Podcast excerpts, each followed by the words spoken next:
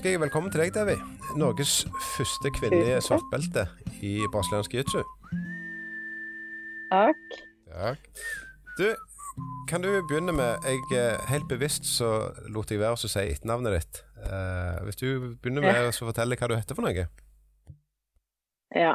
Jeg har jo Det fulle navnet mitt er jo eh, langt og miks av eh, indisk og norsk siden. Ja, ja prøv eh, Mm, hele navnet først. Devi Kristel Røsan, Ahuja. Ja. Og der var det noe indisk inni, sa du? Ja. Devi og altså det første og det siste Devi Ahuja, det er engelsk. Mm.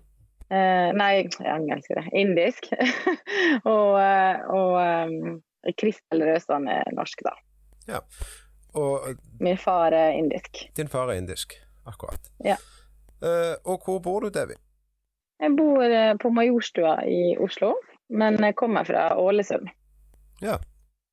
Fine Vestland. Ja. Og har du noe jobb utenom å trene og være barnetrener på Frontline? Eh, Ja da, det har jeg. Eh, Jeg jobber i Bama-gruppen. Det er sikkert, mange- sikkert eh, noen som har hørt om dem, i hvert fall. Eh, Jeg er produktsjef for eh, veldig mye norske grønnsaker. Så det var et veldig stort firma. Veldig OK jobb å ha ved siden av. Ja.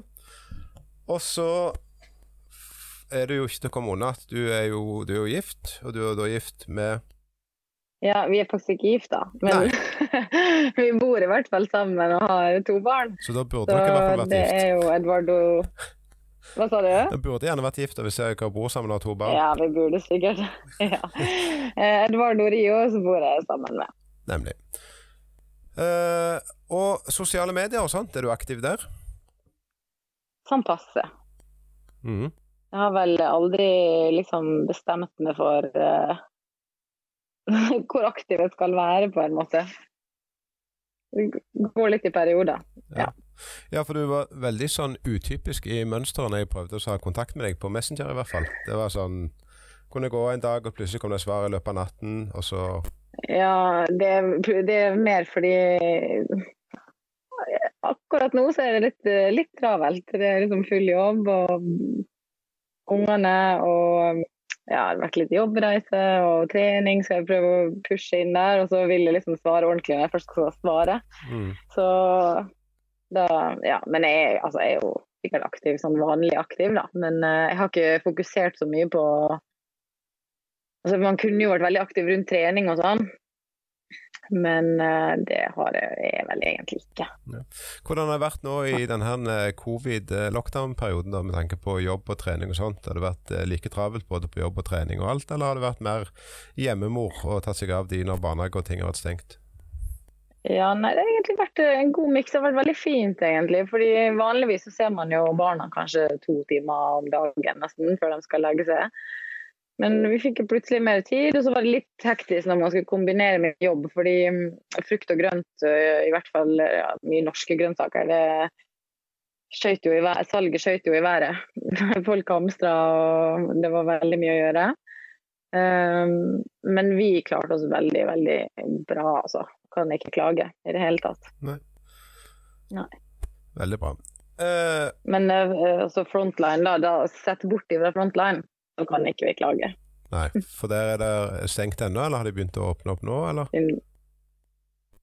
Det, da fikk vi lov å åpne sånn eh, altså, Ikke grappling, men eh, men én og én. Altså, vi har BJJ solo drills og litt sånn strength conditioning for jiu-jitsu. Og vi har litt thaiboksing og boksing og, og sånne ting. Altså, det har vært eh, De timene fylte seg fort opp. Det var jo kjempebra. De jobba med å få et sånn bookingsystem eh, når de var stengt ned.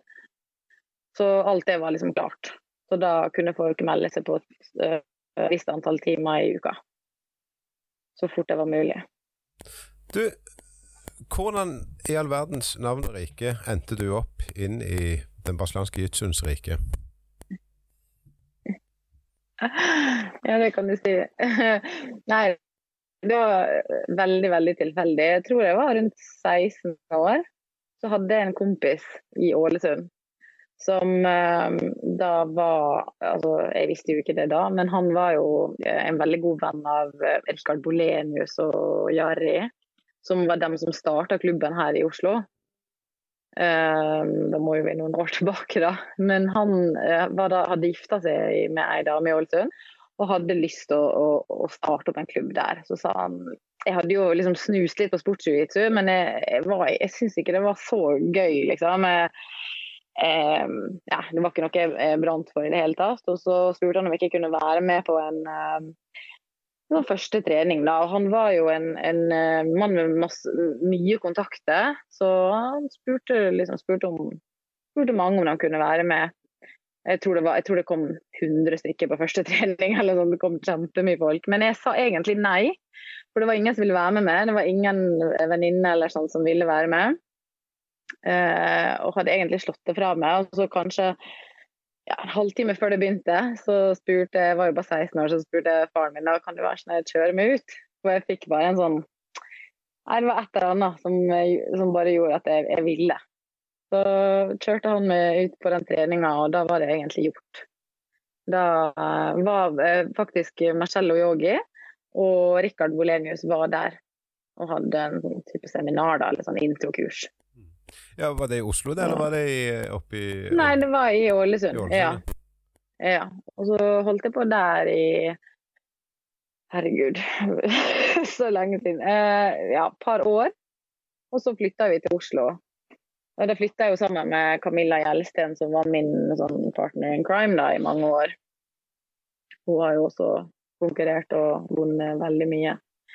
Um, mer enn meg. men, uh, men uh, hun uh, vi, Da flytta vi Vi bodde sammen og trente og reiste og Ja, da var det liksom i gang, da. Men det var en, en tilfeldig person i Ålesund da, som fikk meg til å å begynne. Mm. Ja, hva, tid, altså, hva årstall er det vi snakker om nå? Uh, jeg syns jeg uh, Altså typ 2000, tror jeg. 99-2000. Det er jo relativt tidlig da, i forhold til hvor liten tid sporten har vært her. Ja, det var jo veldig lite. Den, den første konkurransen altså Vi var jo da to jenter som ble ganske aktive. Og det var jo ingen andre egentlig som trente. da. Når vi var i Oslo på besøk, og sånt, så trente vi med Jon Olav Einemo og Joakim Hansen og liksom den gjengen der. da. Um, så den første konkurransen vi var med på, så gikk vi mot gutter, faktisk. Det var ikke andre jenter. Nei, og ut ifra det som jeg har hørt både fra når Ayogi fortalte, og Trond òg, det slår meg jo ikke som et sånn typisk uh, jentemiljø. Altså sånn uh, med, Ikke for oss å være sexistisk på noen som helst måte, men jeg har jo inntrykk av at uh, det var et miljø med folk som, som drev Ikke så, var så opptatt av, av det feminine, men at det var et veldig maskulint miljø, da. Så oppstarten var jo litt sånn hva skal man si. Det var jo Trond Saksenvik har vært der. Han er den som har vært lenger enn meg, tror jeg. Uh, så han var jo med der fra starten. Og det var jo litt sånn, ja, kall det grumsete eller hva du vil. Men han uh, De starta jo uansett klubben, de som holdt på, og det var jo veldig maskulint. Men vi ble kjempegodt tatt vare på. Ikke noe Det var meg og Camilla, og vi ble bare liksom Ja, ble tatt godt vare på. De vil jo gjerne ha jenter der, men uh, ja, det er jo en det er jo sånn tøff, tøff, tøff, sport, og det var jo ikke så, så stort da. Så det var ikke så mange jenter innom det. Noen, da. Litt sånn fram og tilbake. Var du eh, litt sånn Var du litt sånn guttejente når du var liten? Litt sånn at du hadde en dragning mot eh, ting som kampsport, og du sier sportsjitsu, brasiliansk jitsu når det Nei. var Nei. Nei, ikke i det hele tatt, egentlig. Men jeg, jeg sleit med å finne, finne min idrett veldig lenge. Eh, eh, liksom, mange spilte håndball og fotball og, og, sånne ting. Og jeg ville liksom Hadde ikke lyst til å gjøre det som alle andre gjorde. Liksom, jeg leita veldig lenge. Og så eh, var det jo sportsjujitsuen, men det ble aldri sånn Det ble ikke noe sånn passion, egentlig. Jeg gikk dit fordi jeg ville liksom drive med noe, men det var før det ble en konkurranseform, så det er lenge siden. Det blir, mer, det, blir mer, som den selvforsvarsdelen av jiu-jitsu, egentlig. Det, det, var mye, var, var, jo gøy. Jeg trente litt barn og sånn der, og det var jo på en måte gøy å drive med noe annet. Men så åpna det litt sånn helsestudio sånn rundt der vi bodde, og det likte jeg godt. Da likte, kjente det likte godt å være sterk og liksom gjøre sånne ting. Men jeg har aldri vært noe aldri vært noen guttejente, men miljøet var liksom, miljøet har alltid vært bra. Det har aldri vært noe liksom skremmende eller, eller sånn, da. Og så, og så, fikk jeg det til, tror jeg. Fra starten, da. Men det er vel egentlig det som har Jeg tror jeg aldri har gått på en trening fordi jeg måtte. Jeg har alltid gått fordi jeg hadde lyst. Og ja, og fikk det, fikk det til, da. Hvordan, eh, hvordan var det? Kan jo se for meg at idet i det du jeg kjenner jo på det sjøl. Nå var jo jeg eh, så vidt godt voksen da jeg begynte med jitsu, men, men, den barrieren med å begi seg ut på noe sånn som det Tenk på du som da jente og 16 år gammel, og i en sport som kanskje ikke var så organisert og ordentlig som man er nå. Det må jo ha vært noen barrierer og gått noen runder med seg sjøl før du gikk inn i dette? Nei. Eh, nei. Jeg har alltid likt det, tror jeg. Det var litt tungt. Altså. Det var jo vi, ikke, vi, hadde jo ikke altså Bare tenke på hvordan folk har det nå i forhold til det å lære teknikk og komme til organiserte treninger og sånn. Min trener, Fred Egil Likheim heter han da. Han, det er jo han jeg kan takke for at jeg begynte her. Han eh, var jo sikkert 100 og jeg vet ikke, 20 kilo. han var på tung da. Og, og så, men så ble det liksom en gjeng, litt folk som jeg kjente rundt i Ålesund. Um, har vært bra miljø liksom fra starten av. Og så fant jeg jo Camilla der, og vi hadde liksom den. Så nei, aldri, egentlig. Ja, Ålesund de var tid, ganske tidlig ute de da, innenfor uh, brasiliansk jiu Ja, av han der. Det var Hvordan var det der? Jeg tror uh, Kjenner du til uh, Rikard og Jare, som Uh, har, vi, vi, har jo prøvd å finne ut om vi klarer å komme i kontakt med Rikard nå etter vi snakket med Trond. Vi har vært klar over at det er et navn som, som vi bør prøve å få snakket ja, med. Men, men han er ikke ja. alltid så lett å få tak i, for å si det sånn. Så jeg, nei, eh, nei, er, så, så, så, det kan jeg tenke meg. Sånn at, uh, men i hvert fall, det var han og Jeg tror, hvis jeg ikke husker feil, så tror jeg at Jari og Rikard hadde vært i Brasil og møtte Marcello og begynte å trene litt. De, de had, altså Det var jo ikke mye man hadde med seg hjem. De hadde jo bare kunnskapen fra jeg vet ikke om det var ei reise eller flere reiser, eller hvordan det var. Og så kom vel Marcello uh, liksom på besøk hit og sånn, og så hadde de liksom trent litt med våre trener. Sånn, så det, det, var jo sånn super basic, da. Super, super basic. Men uh, så kom jo Joakim Hansen, og da trente han med broren sin Flemming. Så kom de og hadde litt seminar. Vi lærte litt ting. Og uh, ja, Marcello var der jevnlig. Så det er veldig andre forhold enn en nå, da. Han Fred, var det Listheim du sa? Nei? Ja, han heter Fred Egil Litzheim, heter han. Han har vært, eh, Jeg har faktisk ikke noe særlig kontakt med han nå, men han har bodd mange år i Dubai, tror jeg. Nå tror jeg han holder til på Hamar eller noe sånt. Men det er han som er eh, ja, han som er, fikk oss til å starte. Er han aktiv ennå, eller har han noen klubb nå som han driver? Tror, eh, tror, tror ikke det. Uh, bare sånn sosiale medier. Jeg, jeg, jeg følger han, liksom. Eh, nei, jeg tror ikke det. Kan ikke du fortelle litt om, eh, om veien videre fra når du da flytta til Oslo og du begynte å trene der nede? Hvordan, eh, hva var det som gjorde at du, du valgte å, å fortsette å, å, bli i denne idretten på den måten? Ja, nei, det var jo det. Når vi først flytta til Oslo, så var jo Vi ville jo flytte, vi kunne trene mer, og det var bedre trening og sånn. Da holdt klubben til på Bjølsen på Oslo, i Oslo. Um, det var fortsatt det så bra Eller bra miljø, det var jo et spesielt miljø, men det var jo det var veldig eh, fint for oss. Da vi hadde vår egen ting, vi kunne komme til Oslo, vi hadde allerede et, et nettverk. og og så var det det at eh, det gikk bra. Da. Jeg følte at jeg mestra noen ting. Og som sagt så var jeg alltid på trening fordi at det, det var gøy. Jeg var jo, gikk jo gjennom studietid og, og sånn også, men det ble via veldig Det var vel kanskje da jeg konkurrerte mest, tror. Så, så Det var liksom alltid godt å bare um, ha det kjente der, da. Og det har, har liksom aldri har jo vært mange hva skal jeg si, muligheter til å, til å slutte eller sånn, men jeg, jeg, jeg, vet ikke. Jeg må bare ha det i livet. eh, hvor lenge hadde du trent før du, du begynte å konkurrere og, og kjøre den? Nei, vi begynte, vi begynte tidlig. Det var noen sånn jeg tror det heter Bad Boy Cup eller noe sånt i, i Göteborg. ja, det var skikkelig Og det er ganske mange år siden. Og da reiste vi liksom med gutta og hadde det så gøy. Og det var hele opplevelsen, da. Eh, ikke bare konkurransen. Jeg har, helt ærlig, jeg har aldri egentlig likt å konkurrere. Jeg blir veldig nervøs. Um, jeg tror kanskje jeg takler litt annerledes nå, men jeg har vel egentlig kanskje alltid vært litt redd for, redd for å tape, på en måte. Uh, og det er jo mange som har det sånn, men heldigvis hadde jo Camilla uh, med meg, for hun elsker å konkurrere. Så jeg, jeg liksom hang liksom bare på, da. Og, og så um, ja, så begynte vi, Da konkurrerte vi mot gutter de, noen av de første konkurransene våre. Så det var mye sånn Scandinavian Open og den her Bad Boy Cup. Det var mye Göteborg. Uh, det var jo Sverige det som liksom var flink å holde konkurranser der vokste det jo relativt fort kontra i Norge. Um, og så flytta ja, begynte vi, ja, så måtte vi liksom flytte ut av uh, Bjølsen, og Marcello Jorge forsvant jo da.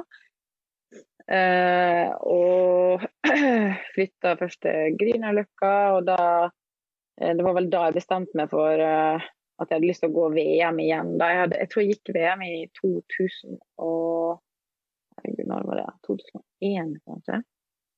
Eh, men da var jeg veldig Da var jeg liksom Jeg var, veld, jeg var ekstremt nervøs og liksom eh, Ja, jeg var, var, var, nok ikke helt klar for det. Jeg var ikke innstilt på det um, i det hele tatt. Uh, men så bestemte jeg meg i 2005 at nå vil jeg prøve igjen, liksom. Og da gikk vi all in og trente masse og liksom gikk ned i riktig vektklasse og, og, sånn. Og da vant jeg. Da vant Camilla. Jeg vant blå belte, og hun vant uh, lilla belte sånn rett ved siden av hverandre samtidig. Så det er liksom Det var jo det som jeg syns har vært det høy, har vært høydepunktet, selv om det begynner å bli veldig lenge siden. så er Det det som er liksom, det var jo i Tisjuka tennisklubb som VM alltid var eh, arrangert i før, med masse sånn tromme og liksom den stemninga. Og den turen var bare Vi fikk mye venner, og vi dro til eh, Vi møtte Haley og Gracie, og, og dro til eh, gården hans etter VM sammen med masse sånne Gracie-folk. og Nei, det var, det var Det er nok høydepunktet i det kjenner jeg at det, det, må du fortelle litt mer om når dere reiste på gården til Helio Gracie. Uh. Nei, det var veldig Altså, jeg hadde satt og sett veldig mye på Letitia Ribeiro og Leka Vieira og sånn. Det var jo dem som det var jo de første svartbeltene. Og vi satt og så på noen videoer og sånn. Ah, vi hadde noen DVD-er med dem, og det var jo liksom Ja, vi syntes at det var synes de var skikkelig flinke. Camilla hadde fått litt kontakt, hun hadde vært med i Abu Dhabi de første jentene som, som, som ble med der. Jeg husker ikke helt hva år det var, men hun hadde også litt kontakt. Vi, vi kjente liksom litt folk når vi dro til Brasil det året. Uh, og så ble vi da kjent med både Leka og Letitia, de tre jentene på Gracie My Ta. Uh, så tror jeg vel egentlig at de var vant med at jenter kom dit for å på en måte prøve å ta dem, da, eller å, å liksom virkelig prøve seg mot dem. Men, men, sånn tenkte vel vi aldri, så vi ville bare lære. Vi var jo liksom syntes bare det var kult å bli kjent og sånn. Og det, det, tror jeg de hadde litt sansen for, for vi hang sammen eh, sikkert en måned i strekk, vi fire, og hadde det helt fantastisk. Og, og trente masse og, og sånn. Eh, og så spurte de, det, det brukt, Før så brukte Gracie Maita, dem som hørte til der, eh, de eh, brukte fast å dra til gården til Helly og Gracie. Eh, og da spurte de om vi, fikk, om vi ville være med, da. Der var Hoyle Gracie og Kron Gracie og Helio og ja, masse andre av dem. Ja.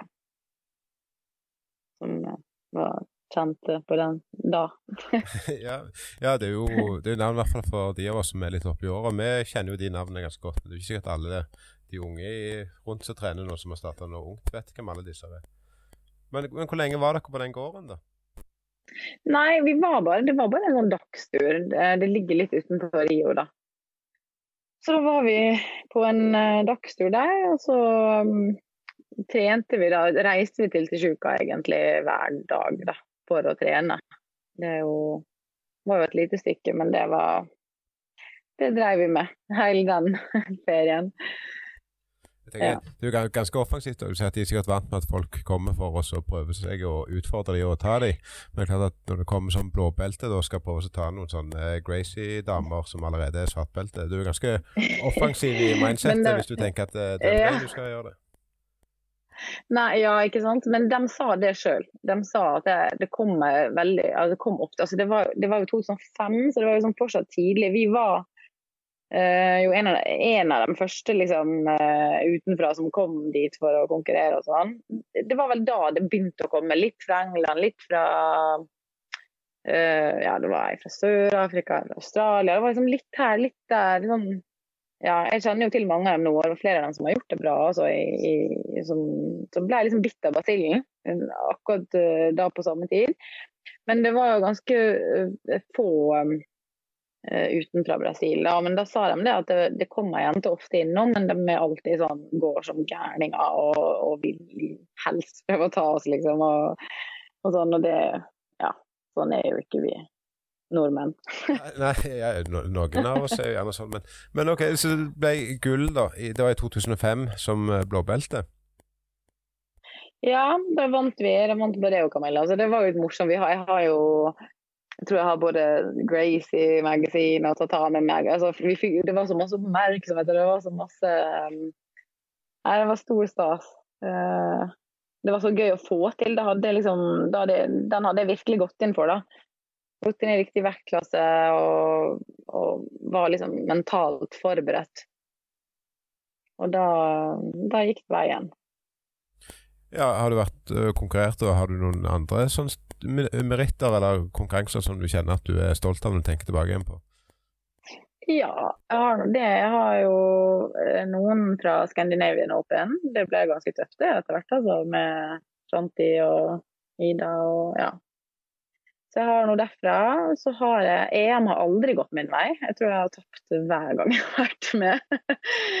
Eh, men jeg har noen kvalifiseringer til ADCC eh, som jeg var Ja, som jeg var veldig Det var, veldig, det var tøft. Og um, så var jeg jo med i ADCC i 2011, men det da møtte jeg Gabi sida. så det var Da tror jeg var, da var jeg redd. For jeg visste ikke hvordan det skulle være. Jeg tror jeg var 65 kilo, og hun var 116. Ja, det var i, Du møtte henne i Open, da? Nei, det var pluss og minus 60. Og alle jentene var sånn relativt like vekt, utenom hun da. Og jeg fikk henne i første kampen. Men uh, de kvalifiseringene jeg hadde til å komme ut, og sånn, det, det, det var bra.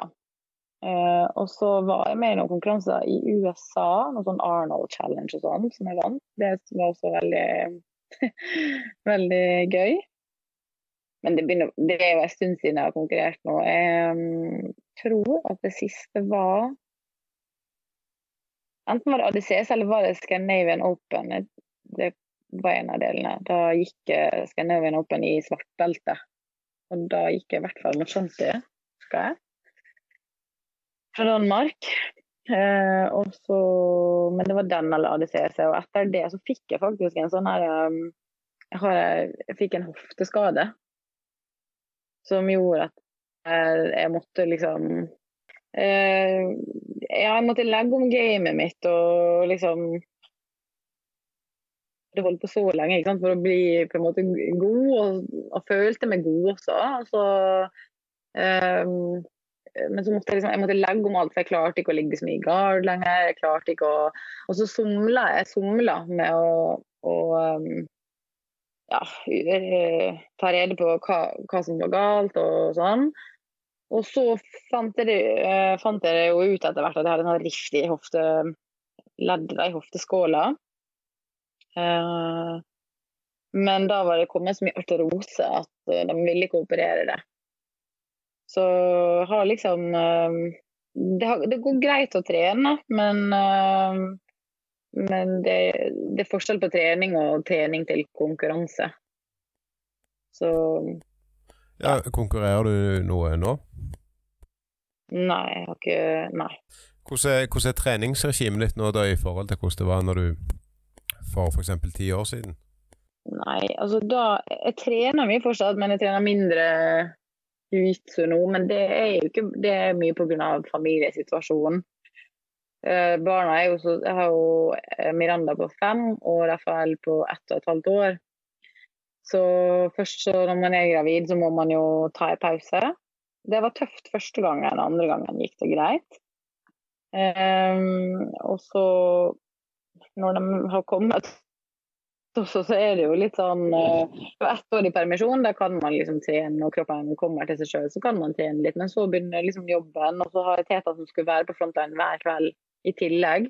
Men vi holdt på. Men når vi hadde bare Miranda, så var det sånn at han hadde jeg jente, og så tok han med seg henne ned dit, og så bytta vi i gangen. Og så gikk jeg hjem og la henne. og liksom Vi holdt på sånn ganske lenge, for det har vært eh, viktig for meg å holde på jiu-jitsuen. Men så eh, kom Rafael, og da har det vært ganske vanskelig. Men jeg, jeg, vi finner alltid tid. Nå har vi liksom hatt fast barnevakt sånn for at jeg skulle få trene noe i jiu-jitsu. da.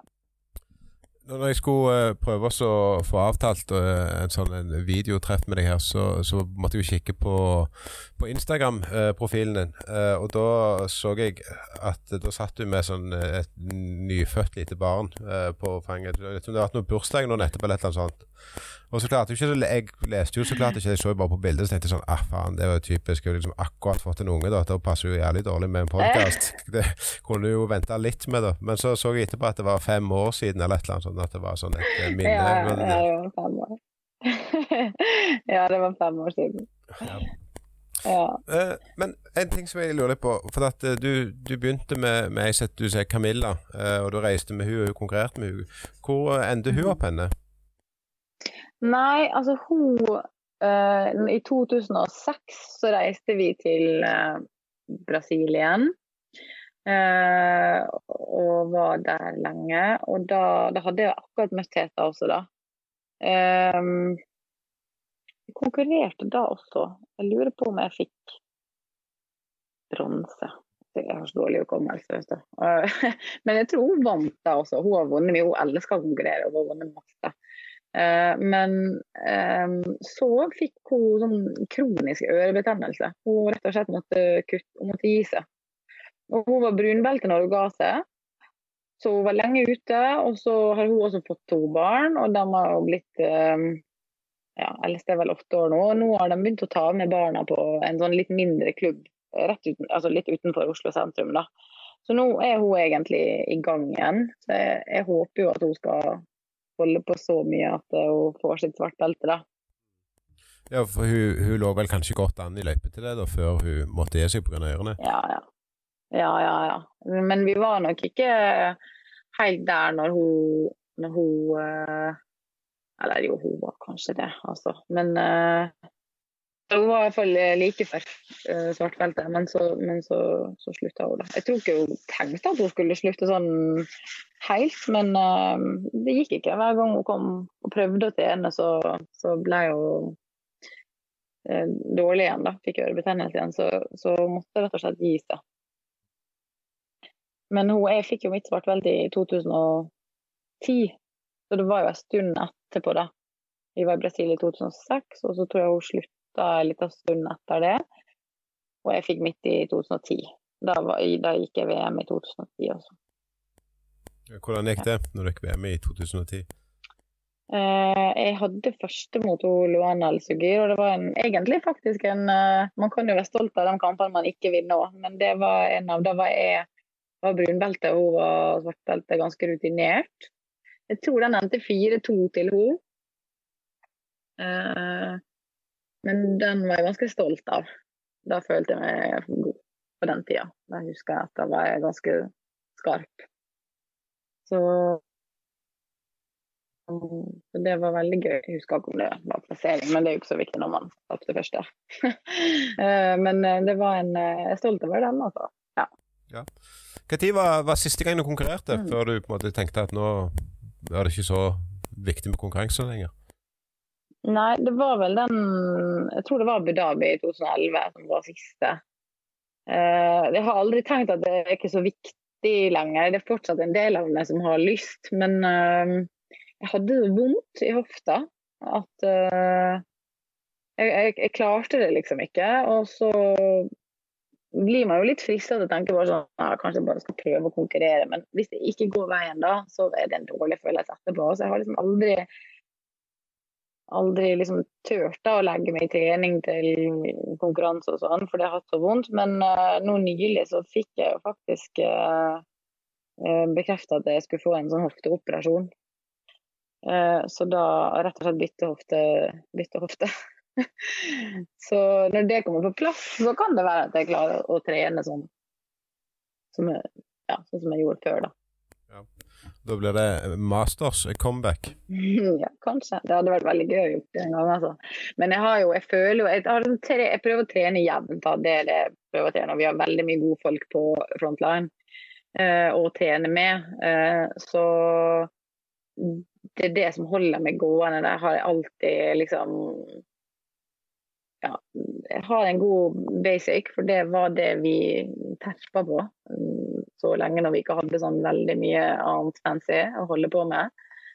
Så det er den jeg, drar fram, og jeg føler meg, ja, føler meg fortsatt helt uh, OK med tanke på at jeg, jeg trener kanskje én gang i uka jiu-jitsu, mens de trener ti. så, så, så jeg må liksom Jeg må, holde det gående. Man har jo liksom det beltet rundt livet da, og har jo lyst til å ja, man har jo lyst til å være like. Men eh, hvordan har du fått trent nå under eh, covid-situasjonen? Eh, du er jo så heldig at du har jo en annen svartbelte i huset òg. Eh, og da, kan, da, er du innad i familien. Har du fått trent greit nå i, eh, i de siste månedene? Ja, vi har faktisk Vi la matte hjemme. Eh, det gjorde vi i stua. Det er veldig fint når man har to barn også.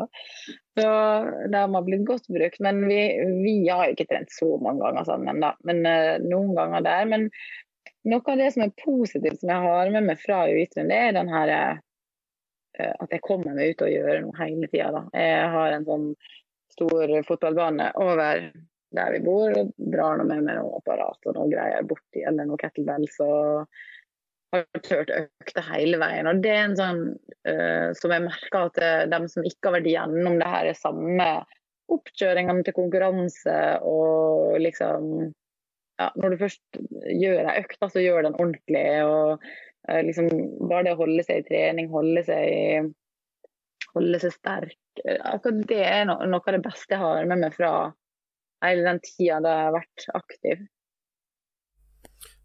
Eh, du nevnte òg at eh, du eh, allerede når du var sportsutstyr, du nevnte noe med at du barnetreninger, at du drev med det den gangen òg. driver du det med det nå òg? Ja, nå har vi starta sånn her fra tre år faktisk på Frontline. Det har ikke vi hatt før. Før har vi hatt fem til sju og åtte til uh, ti eller litt over, ikke helt sikker. Og så et ungdomsparti, og så Adult-partiet.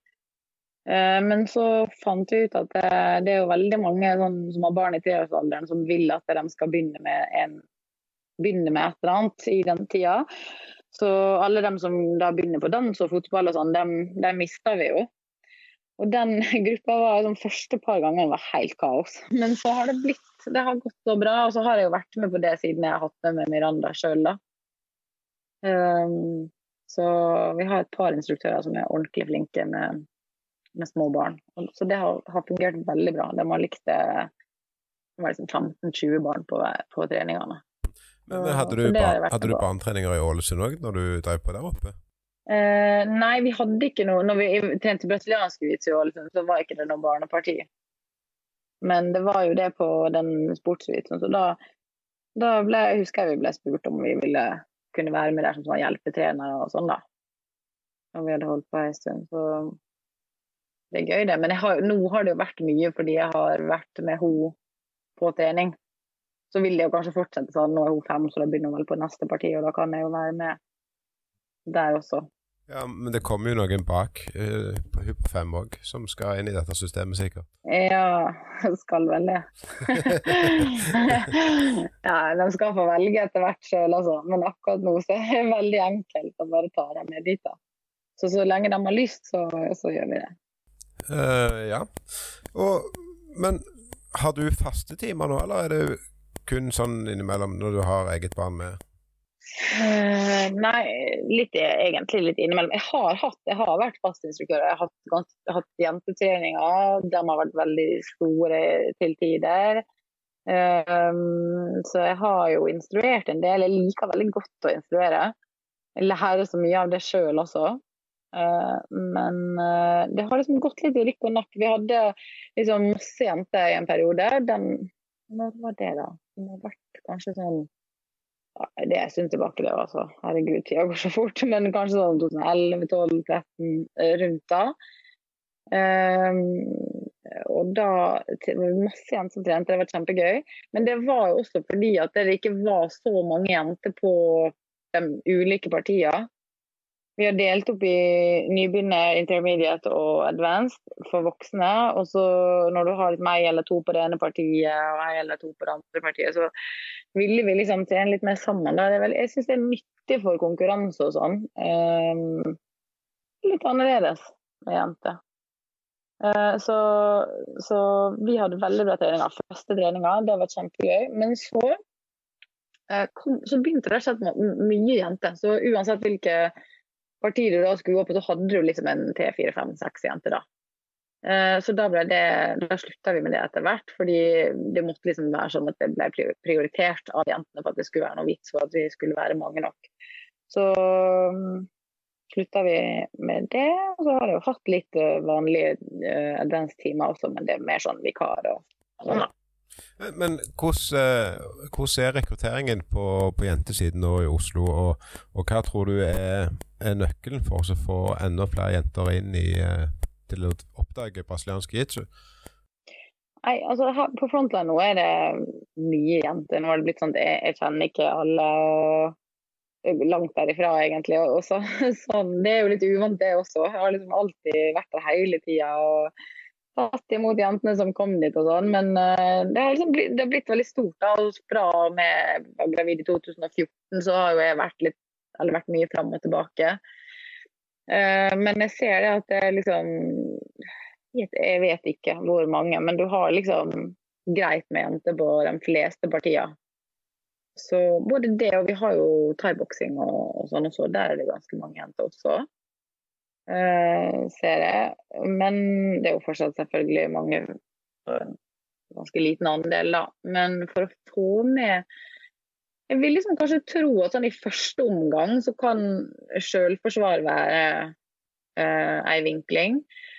Når det var sånn, uh, litt sånn i Oslo, det var en dårlig tid der det var, det var mye voldtekt og sånn som skjedde uh, ute på byen.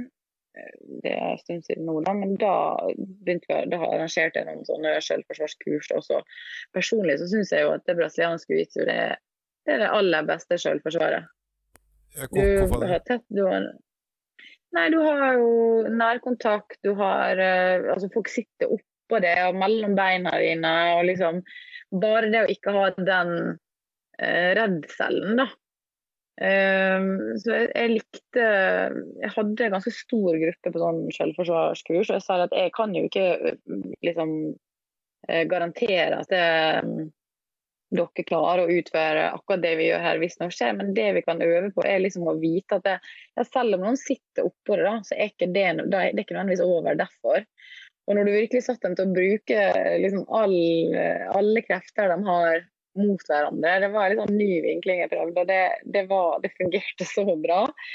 Fordi um, det er så, bare du ser, Vi er jo vant med det, ikke sant? for vi gjør det hele tida. Men å se at jenter står og liksom holder hverandre fast så hardt de kan, eller sitter oppå hverandre så hardt, liksom holder fast så hardt de kan, det skaper liksom noe altså, det, det, er få som er vant med det.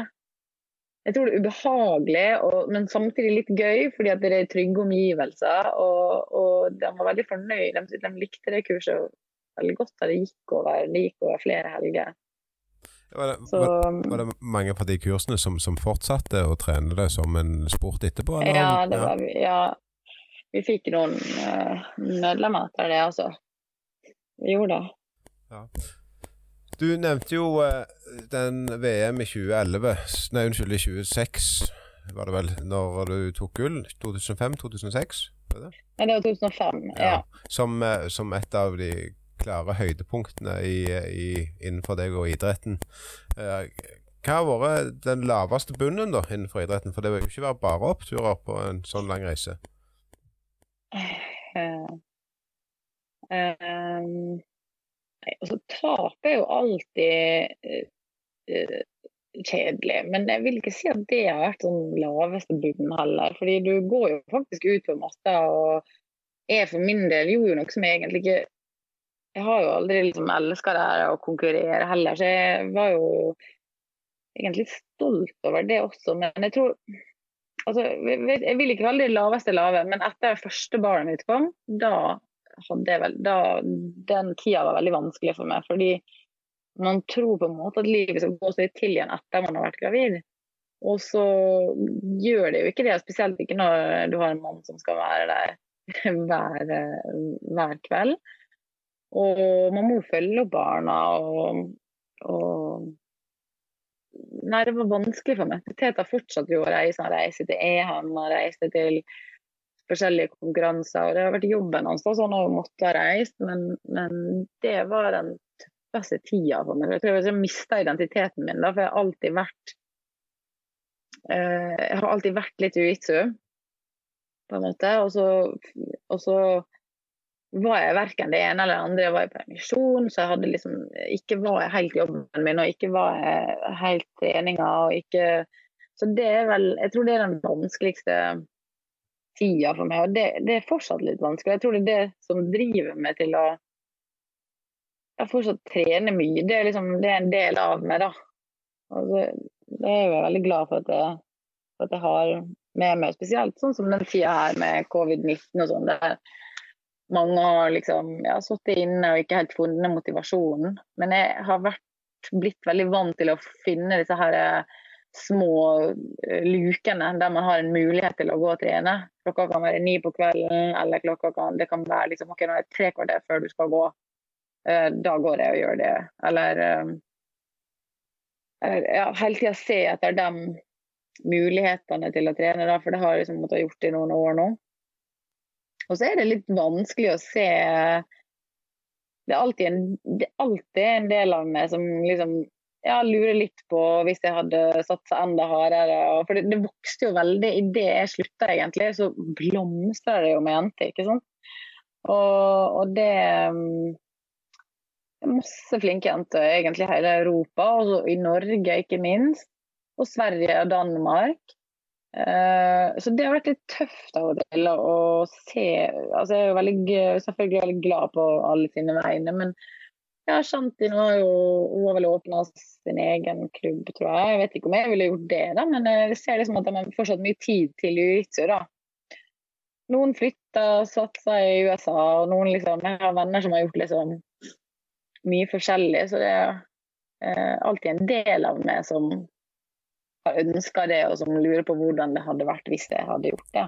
Shanti er vel litt sånn between gyms akkurat nå, tror jeg. Hun hadde jo det hivet. Eh, og så tror jeg at om det var et eller annet med lokalen der som gjorde at de måtte flytte, så jeg lurer på om hun er i ferd med å finne nye lokaler til å starte opp igjen. Oh, ja. ja, det kan godt hende. Altså, jeg følger jo ikke sånn kjempegodt med, men jeg, eh, eh, bare sånn Ja, jeg kjenner jo, kjenner jo godt, men, men eh, jeg har bare sett sånn på eh, sosiale medier og sånn. Og så ser jeg Ida har jo fått barn nå, det var veldig hyggelig. Men jeg av og til føle på at Ja, da tenker jeg på Ida i Sverige.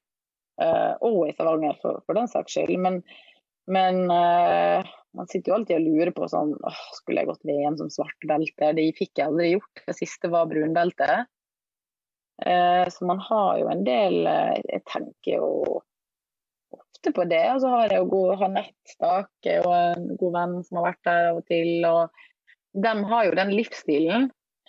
Og så tror jeg de mister en del ting som kanskje jeg har fått, og så har de veldig mye som jeg har gått glipp av. Så det tror jeg alltid vil være Det vil alltid ligge der, liksom, i bakhodet. Og som sagt, i 2005 så begynte det å komme jeg vet ikke om du kjenner de navnene, men sånn som Penny Thomas og Sofia Drisdale og, og sånn. Det er jo jenter som har gjort det veldig bra. Og og dem kom jo Penny kom fra Sør-Afrika. Hadde et sånn garasjegym med typen sin, tror jeg. Og hun, bare, hun var ingeniør eller noe sånt, og hun bare reiste fra hele, hele pakka. og reiste da først liksom, til Brasil, og så til USA. Uh, samme med hun Sofia. Hun, hun, har, hun har bare Robert Drisdale, uh, men de er, ikke, de er skilt nå, da.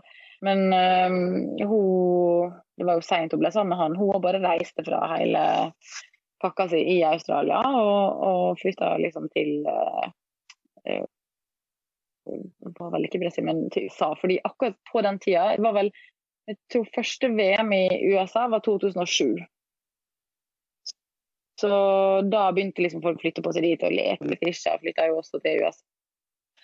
Og da var det liksom noen venner av oss som, som bare droppa alt de hadde i hendene og, og, dro dit. Og jeg tror det var veldig veldig tøft for dem å klare seg der, men uh, så har det jo gått bra til slutt, da. Uh, og det uh, Sofia holder til i Las Vegas og Penny på Maui. Og begge driver jo med jiu-jitsu ennå. Det er bare to, to, av eksemplene, da, men det er to som jeg kjenner godt. Så, så det er liksom det de gjorde da, hadde sikkert både jeg og, Camilla ville tro, liksom litt lyst til å gjøre. Men i Norge så er det jo, skal være litt sånn trygt og godt. da, Ta utdannelsen og Jeg holdt jo på, jeg gikk jo på skole da og så, ja. Ville fullføre det og sånn. Um, så nei, jeg har alltid lurt på. Alltid, det vil jeg sikkert alltid gjøre også. Ja, det er jo naturlig, det. det. Men eh, men var det andre ting enn eh, utdannelse og sånn som holdt deg tilbake igjen, eller var det primært at du ville, du ville kjøre det ferdig, det du holdt på med, før du gikk videre?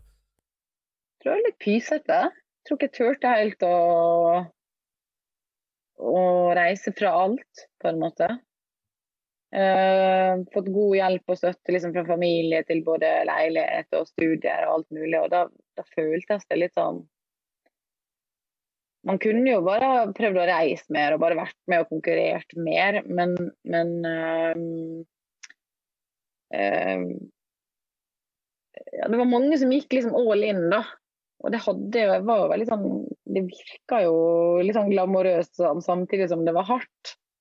Men jeg, jeg tror det var bare um, at jeg ikke hadde guts til det, tror jeg.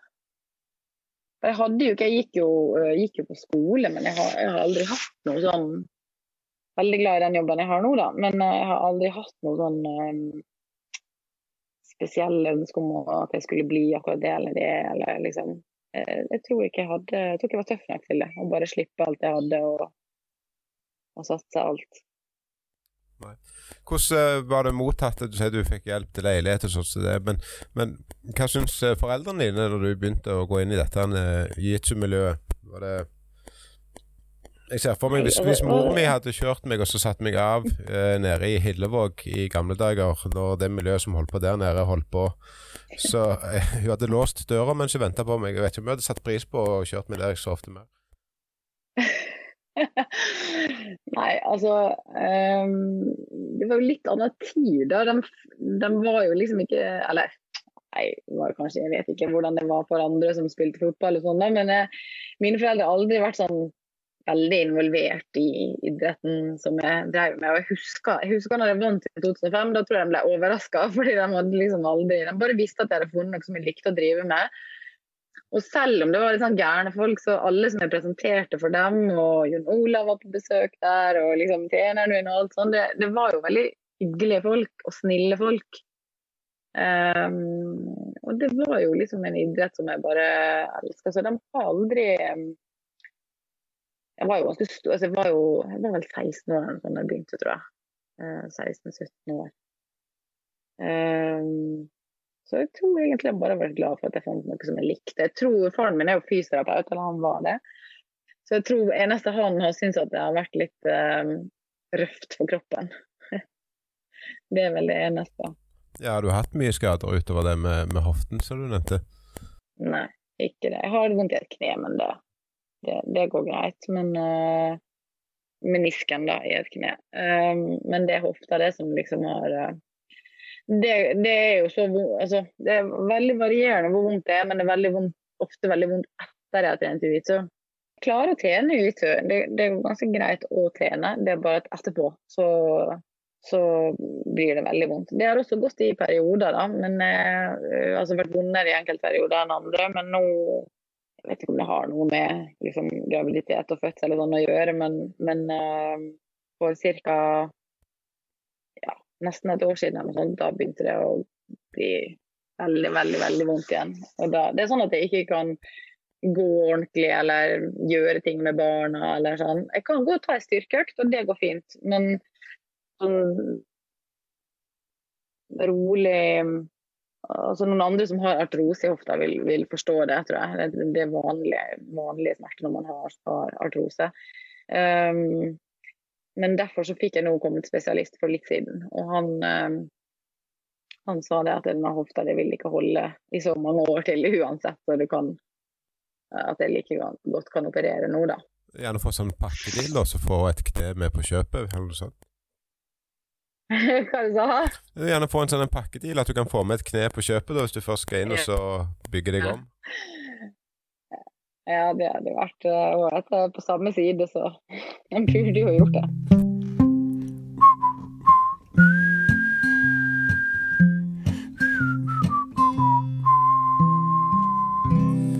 En annen ting som vi har, har, spurt de som har hatt med oss til nå, det er egentlig det å nevne fire personer som har hatt stor betydning for dem uh, i den karrieren de har hatt, eller i den reisen som de har hatt i et Etsund. Både fra hvor de starta, mm. eller hvem som har betydd mye for, for, de og sporten. Og Da er det naturlig å stille det samme spørsmålet til deg, da, om du har fire navn. Det er så klart, uh, som jeg har sagt til de andre òg, for folk får litt nerver når de blir spurt om det. Men det er jo ikke uh, nødvendigvis bare fire personer som har hatt stor betydning. uh, og det trenger heller ikke være i noen rekkefølge. Og, men, men, fire navn som du vil trekke fram som har hatt stor betydning for ja, jiu-jitsuen i Norge, men òg for deg sjøl og, og, det som du har drevet med. Ja, ja, det er jo ikke vanskelig. Jeg kunne jo sagt mange flere navn, men jeg, jeg må liksom si Jeg har jo ikke noe kontakt eller noe med liksom han første treneren min, men jeg må jo si hans navn, Fred Egil, fordi at han eh, Hadde ikke vært for han, så hadde jeg sikkert aldri begynt. Det var han, så, det var han uh, Fred? Fred Egil, ja. Han uh, første, første treneren min. Uh, som liksom starta den klubben med så, egentlig så lite, lite kunnskap om jiu-jitsu og sånn. Men det var jo han som fikk meg til å begynne, så jeg vil si han. Og Camilla. Og Letitia og Teta. Lurt å ta med Teta for husfreden, i det minste. Eh. Ja. Eh, men Letitia, det føler jeg ikke det har vi ikke vært så mye innom. Nei, hun hadde veldig uh, jeg tror det er litt sånn i utro at du får altså Hvis du har troa på uh, teknikken, og, sånn, så tror du får det til. Hvis du ikke har troa på instruktøren eller teknikken, så er det vanskelig å få det til. Og med henne så var det liksom sånn Hennes game, det passa meg så bra. Det hun lærte meg, det altså, Hun har så mye bra Vi var jo veldig mye sammen og har hatt veldig mye kontakt hele veien, egentlig helt fram til nå. Um, der var det jo faktisk litt sånn krasj, fordi hun Jeg fikk lillebeltet mitt av hun. Uh, vi hadde ikke noe, egentlig noen klubb i Oslo på det tidspunktet fordi Marcello Yogi hadde dratt. Uh, så vi, jo, vi hadde klubb, men vi hadde ikke noe navn. Vi, hadde, vi, vi hørte ikke til noen. Jeg, jeg, kjente egentlig ikke helt til uh, hvordan brasiliansk utstyr var rundt om i verden da. Eh, det med de ulike teamene og, og, alt det der, hvordan det fungerte. Ja, jeg visste ikke det helt. Og så spurte hun vi trente jo veldig mye sammen den sommeren eh, da vi vant i 2005. Vi trente masse sammen. og og vi fikk belte av henne, og da sa de liksom De sa vel egentlig OK, dere er Gracie Maita, eller dere kan gå for Gracie Maita. Det det gjorde vi vel i 2006. Eh, da gikk vi for henne. Men så ble jo fronta liksom et stødig team etter hvert, når Teta kom og sånn. Så i 2010 gikk jeg også VM, og da gikk jeg for frontline. Og det var egentlig min feil, da, fordi jeg eh, bare bytta, på en måte. For det var det som var naturlig for meg. Men man burde jo Det var ikke så naturlig for henne, da. Um, så det ble det jo litt diskusjoner rundt sånn, men det kom vi forbi og ble liksom enig der. Uh, for det blir unaturlig for meg å, å, å, ikke gå for frontline når det ble så stort og stabilt som det har blitt. da. Og det er jo bare der jeg har trent. Um, så Men hun hadde veldig mye innflytelse på gamet mitt, på tankegangen rundt det. Hun, hun, er, hun er skapt for ut. Hun er fantastisk barnetrener, fantastisk trener. Hun er, nei, hun er virkelig skapt for det. Ja, øh, og så selv om at uh, Fred han har vi jo for innom for så litt. Grann. Men, men, den klubben som du begynte i oppe i Ålesund, hva, hadde, hva het den for noe? Hadde det noe navn, og var det en del av noe system der? Nei, det var liksom bare Nei, jeg tror ikke Ålesund Brasilia ble det vel etter hvert. Um, Ålesund Brasilian klubb eller noe sånt. Men han Og det, det er liv i den klubben ennå.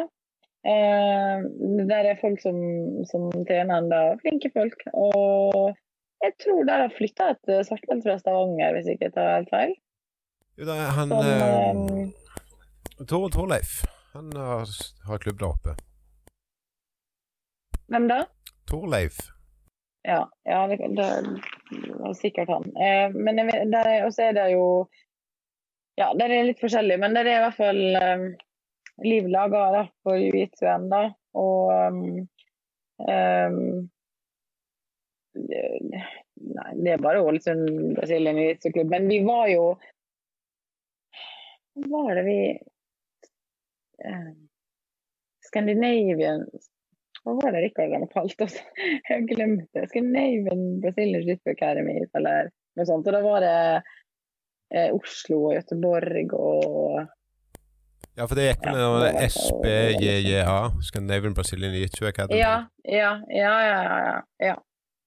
Det, det, var det jo en stund, men vet du, det, er jo, det er ganske lenge siden. Det, Frontland har liksom vært stor del så lenge. Så det er jo det som er. Men det var, det var det det var i starten. Det var jo stort. Det var jo veldig flinke folk helt fra starten av. Talentfulle folk og markerte seg. Uh, om uh, han uh, Teta snakker norsk? Ja, hvis han vil. Ok. Ja. For, han jo, ja. for, for, men han skjønner litt norsk da, i hvert fall? Ja, han skjønner norsk, men uh, altså, sånn type intervju ville gjort på engelsk. Ja, ja, det er for greit. Men jeg tenkte på at uh, siden vi har snakket om Camilla en del, vi har snakket om Frank Egil, vi har snakket om Letitia, så må vi gjerne også snakke litt om hvordan Teta kom inn, og hvordan han har påvirka deg. Jeg tenker ikke på familiemessig og følelsesmessig nødvendigvis, men, men, sånn i forhold til idretten, når han kom. Ja, nei, altså han Han, um, han Altså, det er jo selvfølgelig altså, teknisk, da hovedsakelig, kanskje, som er så god som han har gjort med. Men, eh, for han er jo utrolig god sjøl. Men så er det noe med hans eh, personlighet da, som er Hvis jeg skal tenke liksom bare på Uitun, og jeg ser hvordan han også Den kontakten han har med elevene sine på frontline, den eh, du Altså hvordan han leser uh, alle ulike folk, leser gamet til folk, leser liksom, hvordan han kan hjelpe folk. Han vet hvordan jeg trenger å bli hjulpet. Jeg og Camilla hadde jo sånn at vi hun ble kjefta på, og så ble hun bedre. Og jeg måtte ha skryt, og så ble jeg enda bedre. så for man, alle er jo liksom forskjellige. Og, og, um, Eh, og er han, flink, han er veldig flink til å forstå hvordan jeg må ha det. Og det er jo utfordrende å trene med uh, en partner altså, som er liksom samboer og, og alt. Um, fordi man skal jo Ja. Nei, det, det, kan være lett å mikse, kanskje, men akkurat som instruktør så er han utrolig flink. og han er Altså det er detaljene, det er det tekniske og detaljene som han har gitt meg, og også hvis jeg har slitt med liksom, sånn, uh, ja, det er den typen personer er, da, hvis du har vanskelig foran en konkurranse eller, eller sånne ting. Men han har, han har fine perspektiv på, på, ting, da. Camilla, du nevnte at hun trente eller hadde begynt sånn smått igjen i en klubb litt i utkanten av Oslo. Hva klubb er det hun eh, trener i? Uh, Ryen kampsportklubb, tror jeg det heter. Ja, det har jeg vært på besøk et par ganger ja. faktisk og trent. Ja, det har det. Ja, for er jo, det er jo folk som eh, har trent på frontline, da, som, som, trener der. Så det er, jo, det er jo ikke helt frontline, men det er jo Hun bor i nærheten der, og det blir eh, liksom på ettermiddagene her i byen så er det så kaotisk å komme seg fra ei side av byen til ei annen. Så det blir eh, vanskelig. Så har de hatt barnetreninger og hatt med barna sine dit. og ja, for hun har jo veldig lyst, hun elsker jo fortsatt jiu-jitsu. Eh, jeg tror mer noe annet kunne tenke seg å, å liksom komme i gang litt igjen. Da. Men det er vel litt vanlig. Det har vært et virus inne i bildet ganske lenge, da. Men uh, vi har faktisk det siste, siste året har vi funnet litt tid til å trene sammen igjen. da. Og det har vært utrolig gøy. Veldig gøy. Ja, og det er klart, jeg, har, jeg har jo ennå ikke fått sjansen til å besøke Frontline, men, men, Ryen er jo veldig sånn liten og koselig og litt sånn familieaktig gym, har jeg inntrykk av. Altså det, det er litt ja. små forhold i forhold til, til, kanskje mange andre skoler. Uh, det var vel en som jeg tror Første gangen jeg var der og trente, da var det en uh, en uh, brunbelte som var instruktør. Han tror jeg har begynt å trene inne på Frontline nå. Petter Kleven eller noe sånt heter Kleven. Det er han som har starta det opp, tror jeg. Eh, eller i hvert fall jiu-jitsu-delen der. Han uh, har fått alle beltene sine av Teta og, og, og tjente på frontline. Men han også har flytta ut uh, rett i nærheten der Camilla bor, da. Så, så det er jo mange som ikke vil gi slipp på det, som har starta. Vi har jo en som er i Arendal, og en i Polen, og har jo folk fra klubben som har starta flere plasser. Og så tror jeg at eh, andre gangen jeg var der, lurer på om det var Renato inne som instruktør en periode der ute. Ah, ja. Ja, ja, ja det, det, kan stemme. Han og så har vi en som heter Trond, en svartvelde som har vært der. og Det blir jo litt sånn sporadisk, da, men man tar det man får. Så de har vel vært ute etter en fast, god instruktør der, men um, ja, hvis man skal nå er det jo sånn, På Frontline er det jo sånn, der har det jo blitt veldig uh, Ja, det, det, er jo blitt en bedrift, liksom. Så, så når du instruerer, instruerer, der, så får man liksom lønn og man får, altså Alt er veldig sånn uh, på plass. da, og Det er jo ikke alltid like lett for, for um, små klubber å binde seg. Uh, har, du, har du noen rolle i bedriften Frontline? Nei, jeg står egentlig bare ved siden av Teta, på en måte. Eh, jeg har valgt å ikke Eller helt fra starten av, liksom når han eh, ble en del av det har, ja. Når han er en del av det, så holder det, på en måte. Så, for det er jo ikke Altså, jiu-jitsu i Norge er jo det er en risikosport, det. Så det har egentlig vært fint for oss å ha uh, um, ja, en, da har jo jeg en fast jobb og sånn som jeg trives i, og så har han hatt frontline. Så står jeg jo liksom på sida av han, og det er noe ja, avgjørelser som skal som han vil ha hjelp med, eller ja, bare med meninger, liksom. Jeg har jo trent med Han har jo klubben med Trond og Morten og Nick og Måsen nå. Og det Jeg har jo altså også kjent alle dem kjempelenge og veldig gode kompiser. Men uh, jeg tror det er best sånn. Hvis du ikke hadde hatt uh, grønnsakene dine og, uh, og jitsuen, hva kunne du tenkt deg å drive med da, hvis du kunne valgt uh, yrke på øverste hylle? Da ville jeg ha studert uh, ernæring, tror jeg. Og, tre, og, liksom Ja, trening og ernæring. Det er det jeg liker. Det er de tingene som jeg har liksom litt i tankene om uh, sånn ernæring og sånn. Passer jo fint inn i min jobb nå også. Eh, men det er det jeg interesserer meg for. Ja, og fysioterapi har jeg altså, liksom i den litt i samme sjangeren, da. Eh, ja, det er det Hvis jeg kunne velge bare sånn velge fritt, så hadde vi kanskje hatt et gym da med jiu-jitsu og treningsrom og veiledning for forskjellige ting. Ja. Jeg pleier alltid å spørre har du noe kallenavn. Ja, det har vi helt glemt. Alle som driver med brasiliansk har kallenavn. Det må du òg ha. Ja, jeg vet. Nei, det har jeg faktisk ikke, tror jeg. Kanskje bak min rygg, da. jo, for jeg har jo inntrykk av at alle, og, og her er ingen eh, kallenavn for flaue. Etter det kallenavnet som Trond dro opp av hatten eh, i forrige episode, så tror jeg at eh, alt eh, går. Ja, nei, og Teta lager jo kallenavn for alle. Det verste med kallenavnene i Brasil er at de er så spot on, liksom. De er så Det håper jeg ikke for Trond sin skyld, for å si det sånn. Ja, han blir jo Ja, jo da. Det er sikkert spot on på han også. Men, du, du, altså, fått, du, du, vet ikke hva han ble kalt når han, eh, første gangen han var i Brasil? Nei, hva var det da? Det var noe greier med at han hadde vært på et utested, og så trodde han at det skulle bli slåsskamp. For det var en som satt og stirret sånn på han. Og så, eh, ja. så eh, og så hadde han kommet på, på gym etterpå og fortalt dette til Marcello, og så hadde Marcello sagt at men det du har vært på, er jo den største gaybaren i hele Rio. Og dermed så ble han bare kalt for gay. Uh, og så hadde han på en måte syntes det var litt ubehagelig, da, så han hadde liksom bedt om at du kan ikke finne på noe annet. da. Uh, og da var han jo blond, så da ble det gay nazi. Så alle jeg ropte på gay nazi. Ja. så jeg håper jo ikke at uh, det er spot on, som du sier. Nei, det er jo ikke det. Men, men gay nazi, jo jo. Det passer liksom litt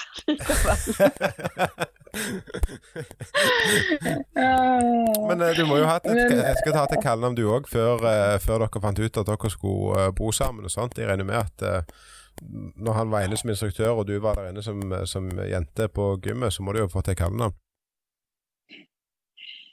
nei, jeg tror ikke det. Så jeg har sikkert aldri turt å gi meg noe. Nei, altså jeg vet ikke, men det har jo det også med, med Ofte så kommer jo kallenavnet av at det, For det første er det veldig mange folk der, gutter, så de lager seg liksom kallenavn etter hva, hva, hva folk ligner på og sånn. Uh, og, vi har, og så har jeg kort navn i tillegg, så ofte så har de forkortelser for ting, eller at de ikke klarer å uttale navnet, eller at de ikke Så, så nei, jeg har faktisk ikke ikke Camilla heller har hatt noe uh, noe kallenavn, altså. Um, det, jeg tror jeg har sluppet unna. Men det har vært mye rart ute og gå på klubben. ja, for uh, de som vi snakker med framover, så får vi prøve oss å fiske litt, og så vi om vi klarer oss å høre om det har vært et eller annet bak ryggen din da, i så fall, eller et eller annet som uh... Ja, jeg har en sånn her jeg hadde besøk av noen kompiser fra Brasil.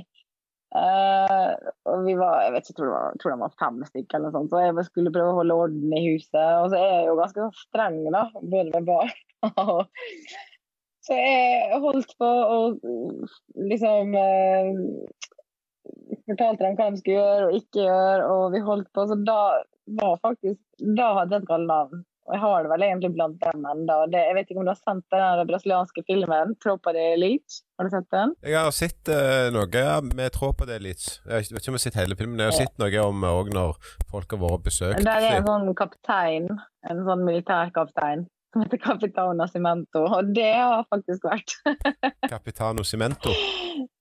Capitano Nascimento, det er liksom, han er sånn militærkaptein i den filmen. og det i hvert fall blant dem uh, blant de vennene hans så har det vært det.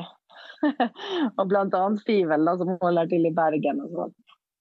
Så han har jo bodd veldig mye hos oss, da. Og, ja. Men det kan jo være positivt òg, det, da? Ja, det må til i hvert fall, om ikke annet. du, eh, ene av barna deres er allerede i gang med trening, men ser du for deg at det, det er en idrett som du kommer til å ha, ha barn i, som du, som du ønsker å, å, promotere videre for de, eller tenker du at det er såpass mye skader og en utvikling i sporten rundt omkring i verden og på, på det øverste nivået at det kanskje ikke er der du ønsker å ha de? Altså, jeg tror det Jeg er jo veldig glad i den sporten, da. De kan jo få en veldig fin oppfølging av begge foreldre. Og jeg, har jo, jeg håper at de vil fortsette, og så håper jeg jo at Miranda kanskje spesielt vil fortsette. For jeg, jeg tror det er veldig bra for Nei, det, jeg tror det er bra for kropp og sjel. Um, å ha det med seg. Jeg har en niese som er 13 år, da, og jeg har gjort det å bli 13 år. Hun har liksom holdt på litt med det. og jeg sier til min søster at hun må bare nødt fortsette. For det er liksom en sånn alder der du jeg, vet, jeg tror det gir deg noe. Det gir deg tro på det sjøl, da. Um, for du mestrer jo ting. Altså, hver gang du får til noe vet om, du, om, om du måler det med din egen forrige trening, eller om du måler det med din noen andre partner, eller uansett, eller om det var en teknikk du ville få til, eller sånn. Du mestrer ting hele tida. Og og prøve det liksom på en annen måte enn kanskje en typisk lagsport. da. Så jeg syns det er så fint. Jeg tror du blir en fin person om å holde på med det. De fleste klubbene som jeg kjenner til, også har jo så bra miljø. Um, jeg har, jeg har, et håp. Men de skal få gjøre det de vil, altså. Hvis de absolutt ikke vil for en slik. Men jeg håper de vil. Tror du eh, barna dine kjenner seg igjen i det kallenavnet ditt om noen år? Ja. Ikke om noen år, nå. uh, hvor tror du Dette er så snill, vet du. Hæ? At, uh, dette er så snill og soft at uh, noen må sette grensene her hjemme.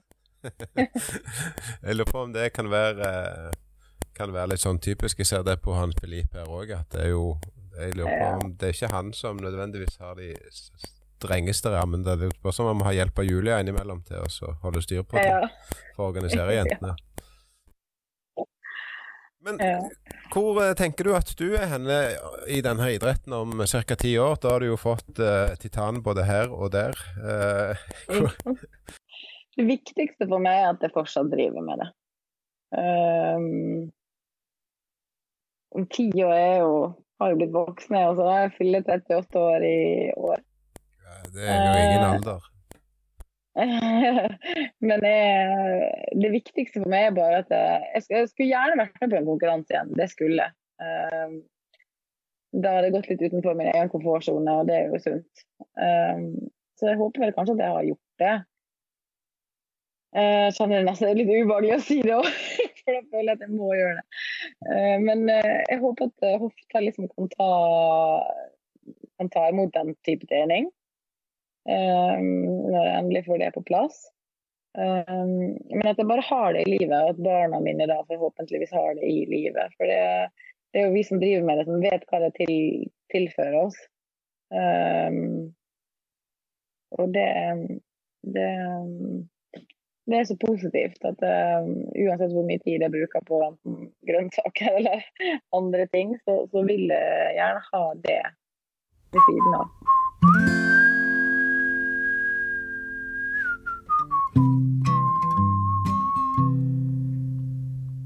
Du var jo litt innom dette med, med å komme tilbake igjen eh, til trening etter, etter graviditet. Uh, og ut ifra det som jeg ser, vi kan jo se litt på statistikk på hvem som hører på, sånn som det, men har du noe råd? For det er jo en del uh, Det er jo en ca. 25, mellom 25 og 30% av de som hører på denne podkasten, er jo jenter. Eller i hvert fall registrert som jenter hos Spotify. Det kan jo være mange grunner til det. Men uh, har du noen råd eller noen ting som en uh, bør tenke på når en kommer i den situasjonen at en ser at en kommer i en fase i livet der en uh, må slutte med treningen litt, enten det er graviditet eller andre ting som dukker opp, for å på en måte holde ved like eller klare å komme tilbake igjen? Ja, Altså, graviditet så Jeg forstår, det er jo tøft, men uh, graviditet sånn sett er vel kanskje ikke det tøffeste, fordi du klarer ikke å trene, så du har egentlig ikke noe valg. Uh, men det er vel det å ha tålmodighet etter at man har fått barn, for det er en, det er en tøff sport. Så, så begynne å, liksom, å trene på riktig måte, sånn at man ikke ødelegger kroppen. Masse styrketrening og, og sånne ting. Og de fleste er jo litt heldigere enn meg, da, fordi min mann må liksom være der nede hele tida. Og det er litt av grunnen til at jeg ikke får trent så mye. Men bare vite at det liksom tida kommer tilbake der du får gå noen ganger i uka fortsatt. Og som ofte så er man to foreldre, og da kan man dele litt på. Eller kanskje man har litt hjelp. Så ikke minst får du jo etter hvert dele sporten med barna dine og sånn, da. Og det er jo også veldig fint hvis de ja, hvis de har lyst, da. Men um, ja. Er det viktig for deg? Jeg tror det er tålmodighet som er er det, viktig for, er det viktig for deg det å dele sporten eh, med, med, barna dine? Altså det å ta del i det? Å følge opp og, og, være en del av det som aktiviteten som barna driver på med? Jeg tror det vil bli det. fordi at det, sånn som Fram til nå så har de jo vært så, så små. Uh, og det er Miranda det som har hatt det meste i livet, for hun har vært med fram og tilbake. Hun hadde jo Tete hadde litt som pappapermisjon, hun var med på Frontline hver dag. og Hun, liksom, hun, hun øh, kjenner godt til det. Men jeg tror fremover så tror jeg vi vil ha det veldig gøy når den blir litt større. Og da kan man jo man kan reise på ferie og trene litt, og man kan um, ja, jeg tror, man, jeg, tror man, eh, jeg tror man, kan ha det fint, ha det gøy framover når de blir litt større, da. Selvfølgelig skal jeg følge opp hvis de vil ha en, en annen sport, liksom. Men nå så blir det jo det blir, noe, det blir gøy å reise på konkurranser, og det blir uh, Jeg føler at jeg, kan, at jeg kan bistå med noe, da. Og ja. Jeg tror ikke det er så mange andre idretter jeg kan bistå så veldig mye med. Blir du en, sånn, en mor som står men, på, på eh, sidelinjen og roper men, på dommeren og, og, roper på han andre, eller hun andre utøveren? Det, Nei, jeg hadde ikke gjort det i jiu fordi jeg liksom kjenner sporten. men jeg kjenner at jeg kan bli engasjert. Jeg tror jeg kan bli veldig engasjert. Jeg tror Teta må komme til å holde meg tilbake. det er jo lett. og Jeg kan se på meg liksom, når han begynner å sånn, trene ordentlig. Eh, Niesa mi gikk en kamp, og da var det da liksom, det, det setter i gang noe hos meg. da. Jeg får lyst til å instruere. Det liksom, det er det jeg tror som kan være fint med å ha dem med, med videre. Liksom at, jeg, ja, at jeg virkelig kan bidra med noe, da. Hjelpe dem og så jeg tror å reise, og vi kan Nå har det vært mange år vi har ikke reist liksom, når det har vært EM, eller liksom, Men nå er det lagt til USA, og, og det kan jo være en, en, tur sikkert når de blir eldre og, og sånn, da. Men eh, tilbake til det med eh, liksom jenter og, og, kanskje rundt det med graviditet og ikke få trent og sånn. Det, jeg, jeg, tror det, jeg tror jeg vil si at det bare det å ha tålmodighet tror jeg det som um, som kan Altså det beste stikkordet, på en måte, da. Det er jo ikke alle som føler som meg, selvfølgelig. Jeg syns det var litt tøft på, på førstemann. Og kroppen forandra seg, og man Ja. I det hele tatt. Men uh, det kommer tilbake, da. Både livet og kroppen.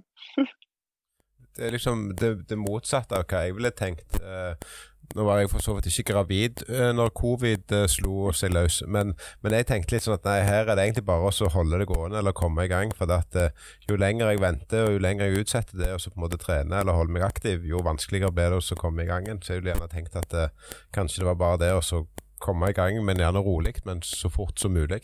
Ja, ja altså, men jeg, jeg altså før så var det sånn at hvis jeg mista to treninger, så bare Det kunne gå og plage meg ordentlig og lenge. og eh, De måtte jevnlig måtte ha minst så og så mange utredninger i uka. og, og det var liksom, jeg, jeg måtte hele tida dit, og det var en big deal for meg å ikke ha nok utredninger per uke. Men det, det har jeg jo nå klart å slå meg litt til ro med at det endrer. da. Så sånn som når covid kom, så er det bare jeg får trent, liksom. Bare holder meg i form. For det er jo gitt hun ligger der. Jeg tror det er vanskeligere for en hvitbelte, kanskje, eller noen som har trent kort. Da tror jeg kanskje det kan være eh, vanskeligere, fordi at du Ja, man kan mindre og glemme, uh, og kan glemme det, liksom. Men Men uansett hvor lenge jeg har vært borte frem til nå, da, så er det liksom Det går greit å komme tilbake fordi du har gjort det så utrolig lenge og mye. Så Men jeg er jo enig, man, man må jo og det kan man jo gjøre når man er liksom både, både, gravid og etterpå. Så trene kan man jo gjøre. Alltid trent. Til en styrke og sånn før så har jeg jo trent eh, mot jiu-jitsuen. Sterkere for å kunne gjøre det. og sånn for å liksom, Det har liksom vært en mening med styrketreninga. det har jeg på en måte dratt med meg litt uh, videre. Uh, men jeg vet at noen kan bli veldig utålmodige. Og hvis du har en sterk kropp og ikke sliter med det etter graviditet, sånn, så er det jo helt uh, Da må man jo bare gjøre det. Men jeg, første gangen der fikk jeg en liten sånn Jeg prøvde å trene ganske tidlig etter første gang, og det var, det var ikke noe særlig. Så da stoppa jeg opp litt og trente ordentlig styrke. Fikk litt hjelp. Trente liksom innenfra og ut. Og fikk kobla sammen ting igjen. Og så kunne man og Magen og hele det området er jo helt sånn Du har jo Det må liksom begynne å virke litt igjen, da. Og i så bruker du jo liksom hele kroppen. Så, ja. Det, det med å få magen tilbake igjen, det er det jo flere her som kjenner på. Det, det er det jo eh, Det er jo ikke kun graviditet som spiller inn der. Eh, Nei, men det ja. En ting som slo meg òg her, er ut, uh, og det er jo fordi at eh, dette med podkast er jo ikke noe vi driver på med til vanlig. Uh, så vi, vi, burde jo ha presentert oss, faktisk. Vi har jo ikke, vi har ikke, sagt, vi har ikke sagt hvem vi er engang. Um, så det kan vi gjøre nå, rett før vi runder av. Så vet du i hvert fall hvem du har snakket med. Ja. ja. Du, jeg eh, heter Karl Aksel, og jeg eh, begynte med brasiliansk jitsu for eh, tre-fire år siden. Um, da hadde jeg Jeg hadde drevet med litt taekwondo og sånt før da jeg var liten. Og så hadde jeg en gutt som jeg fulgte opp mye på ishockey og var trener for han. Og så når han begynte å bli så stor at de hadde andre trenere, så tenkte jeg at okay, nå kan jeg gå tilbake og begynne å trene og finne et eller annet sjøl. Og da, uh, gjennom et eller annet sånn jobbgreier, så kom jeg i kontakt med han som sitter her, som heter uh, Morten. Ja. Uh, jeg har trent ganske lenge, jeg. Men jeg har vært med litt sånn av og på. Så jeg traff Teta når han kom en av de første turene til Norge. Men ja, det blir mye sånn fram og tilbake med meg. Så covid er ikke noe sånn voldsom pause som skal hindre meg i å komme tilbake igjen. Dere faller litt ut. Men altså, jeg, ser, jeg, ser, ikke ansiktet deres ordentlig. Men jeg, ja. men jeg mener eh, For Morten, jeg tror Jeg føler at det er i hvert fall noe kjent der, da. Man møter jo mange på reisa si, men uh... ja, ja, ja, ja, det er godt mulig, det. det. det. som var litt greia, var at vi for uh, et godt år siden så bestemte vi oss for at vi hadde lyst til å prøve å lage en samling, en BDD-samling inne i Lysefjorden. Uh, for vi tenkte at uh, det å få folk opp der og bo på ei hytte, uh, gymsal og matter, og kunne gå til Skjæragbolten, gå turer i det området som var der inne, det skulle være sånn, et alternativ til sånne treningsleirer der du trente for å komme i form til en konkurranse, men der du skulle inn og så skulle du ha det sosialt og fint og grille og gå turer og ha, det bra. Og sånn begynte det, og så startet vi det som vi kaller for bolten BJJ. Og det er rett og slett pga. Skjæragbolten, denne steinen som henger mellom to stein.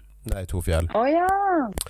Uh, og så Og masse av det lå på plass og var egentlig ganske klart. Uh, men så kom covid, så da fant vi ut at da kansellerer vi det i år. Og så tar vi det neste år, eller hvis ting har normalisert seg. Uh, og så hadde jeg gått og tenkt okay. lenge på at det hadde vært interessant og så prøvd å samle historien til de som var de første, og de som starta med sporten i Norge. Uh, og når covid kom, så ble det mye hjemmekontor, og ikke kunne gå og trene lenger på kveldene på Oxygym, uh, og hadde mye tid. Og da tenkte jeg ok, nå kan vi prøve å ringe litt til folk, og få folk med oss, og samle historiene, da. Og så får vi se.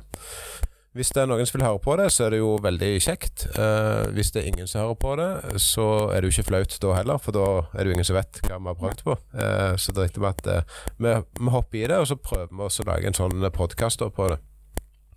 Og det har egentlig gått ganske bra. Det har det. Jeg syns jo det er utrolig kult. Vi har snakka om det så mange ganger, liksom, at vi fortsatt har Teta og sier jo det hele tida at det, det er så kult at det, vi fortsatt er med. da, Jeg og Trond og liksom Camilla og altså dem som har vært her eh, lenge. Eh, og vi har masse historie, og det var jo veldig annerledes når vi starta enn en sånn som det er nå. Eh, masse kule historier. Og så tror jeg ikke minst at Felipe og Tesa har veldig mye um, også kul altså det, det er kul sammensetning, da, fordi plutselig dem er jo så nær kilden. De har jo liksom eh, vært på Copacabana, Carlson Gracie, liksom. De har jo um, Ja.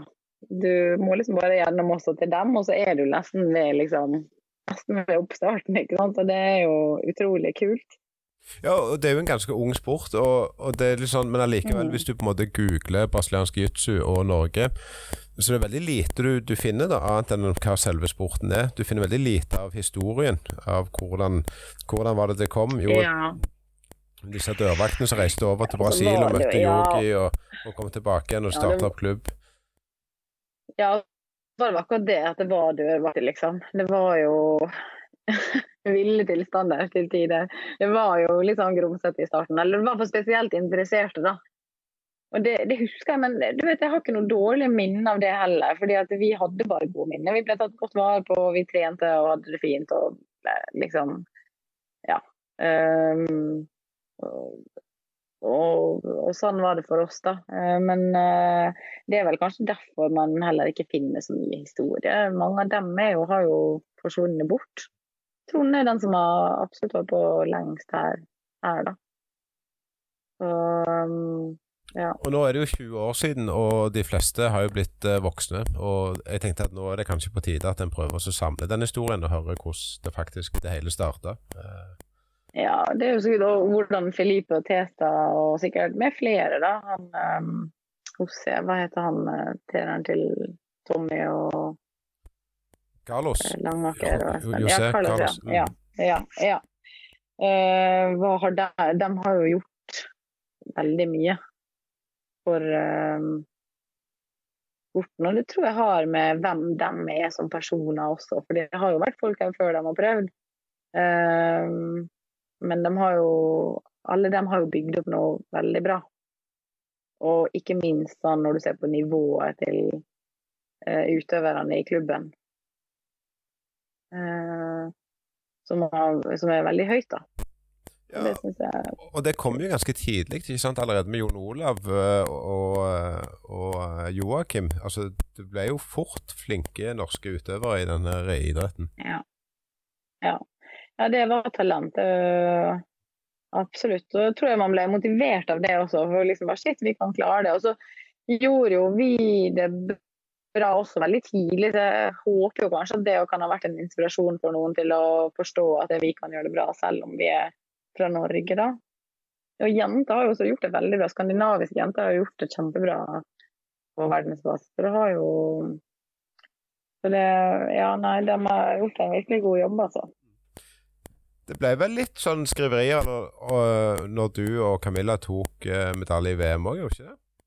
Ja, jeg har vært i noe sånn Det har vært litt sånn i Ålesund og aviser der. Så var vi vel med på noe i Dagbladet en gang, og så var vi i Jeg tror jeg har vært i Stella D2. Det er de norske tingene jeg har vært med på. Men ikke egentlig rundt da vi vant, tror jeg det ble så mye. Vi var, vi var på Rallarsving, har du hørt om det? Nei. På, på ingen måte. med musse... Det bør du jo sjekke opp, da. Det er um, Musse Hasselvold Han er jo en Han har trent, jeg vet ikke helt om han trener enda. Men det er en svensk eh, Tror han er litt sånn medieperson i Sverige nå. Eh, Jeg vet, ikke, jeg vet ikke helt hva. Men de hadde jo fått et, show med det Rallarsving. Og det bør du, jo søke opp. Og det var jo eh, Ja, vi er vært der, og Jon Olav og, og mange. De reiste rundt på forskjellige kampsportgym, mange herrens år siden, da, men de reiste rundt på forskjellige kampsportgym gym over hele verden og var i Brasil og trente. og Det var det er en morsom serie. Og så hadde de med Teta også, og han er så lik Ben Stiller. Så de har med en episode der de har han og så Ben Stiller, og de ser på eh, sammenligna. Det var noen de sammenligna ja, Nei, det var, det var veldig morsomt, da. Og mm, det var jo før vi kjente til Teta.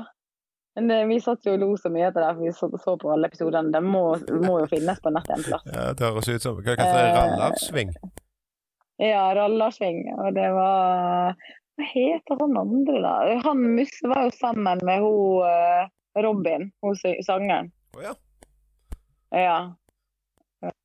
Um, de trente, jeg kjente jo dem godt. Jeg var også sammen med han eh, en som heter Bobby, da, fra der før, som trente på Pancrase Gym i Stockholm. Eh, og ble liksom litt kjent med dem der. Og mm, ja, så han var sammen med henne. Um, og plutselig så var de rundt og lagde denne serien. Sånn. Den er veldig morsom. Den var rundt på forskjellige gymmer i Brasil. Og kjenner til, og, Så den må du se om du finner. ja, det høres absolutt ut som det. Og der, da var det en episode der du var med òg? Ja, jeg tror det var jeg og Camilla som var med der. Og så var jo Joakim og Jon Olav og ja. De trente, jeg tror han trente med Letisha, hvis ikke jeg tar helt feil. Fikk skikkelig juling. Men det var helt uavhengig av liksom, Før vi kjente noen av dem og, og sånn, da. Så ja. Ja, for det er det som jeg syns er litt kjekt òg. Sporten er jo ikke så stor at hvis du har reist litt rundt, så treffer du folk, og så treffer du felles Ja. kjente og, og de greiene der. Eh, sånn som eh, for eksempel eh, ja, Shanti da i Danmark.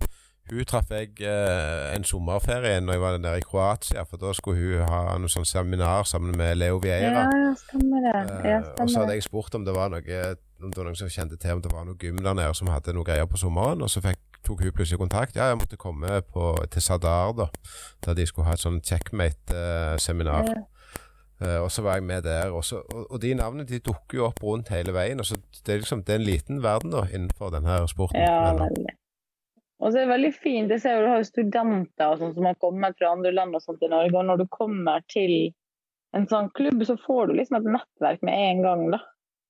Eh, Det er mye enklere enn en, en vanligvis. Å, å kunne, sånn har det vært i Brasil, eller jeg og Teta har vært på kanskje vanlig sommerferie, og han har endt opp med å ha treninger på Sicilia og i Firenze og liksom overalt. Har bare vært innom, og så har han hatt treninger, og så har vi fått masse ja, bekjente og mm, gode kontakter på seinere. Og, og sånn, så sånn sett er det jo veldig fint, da. kjenner du av og til at det kan bli litt mye?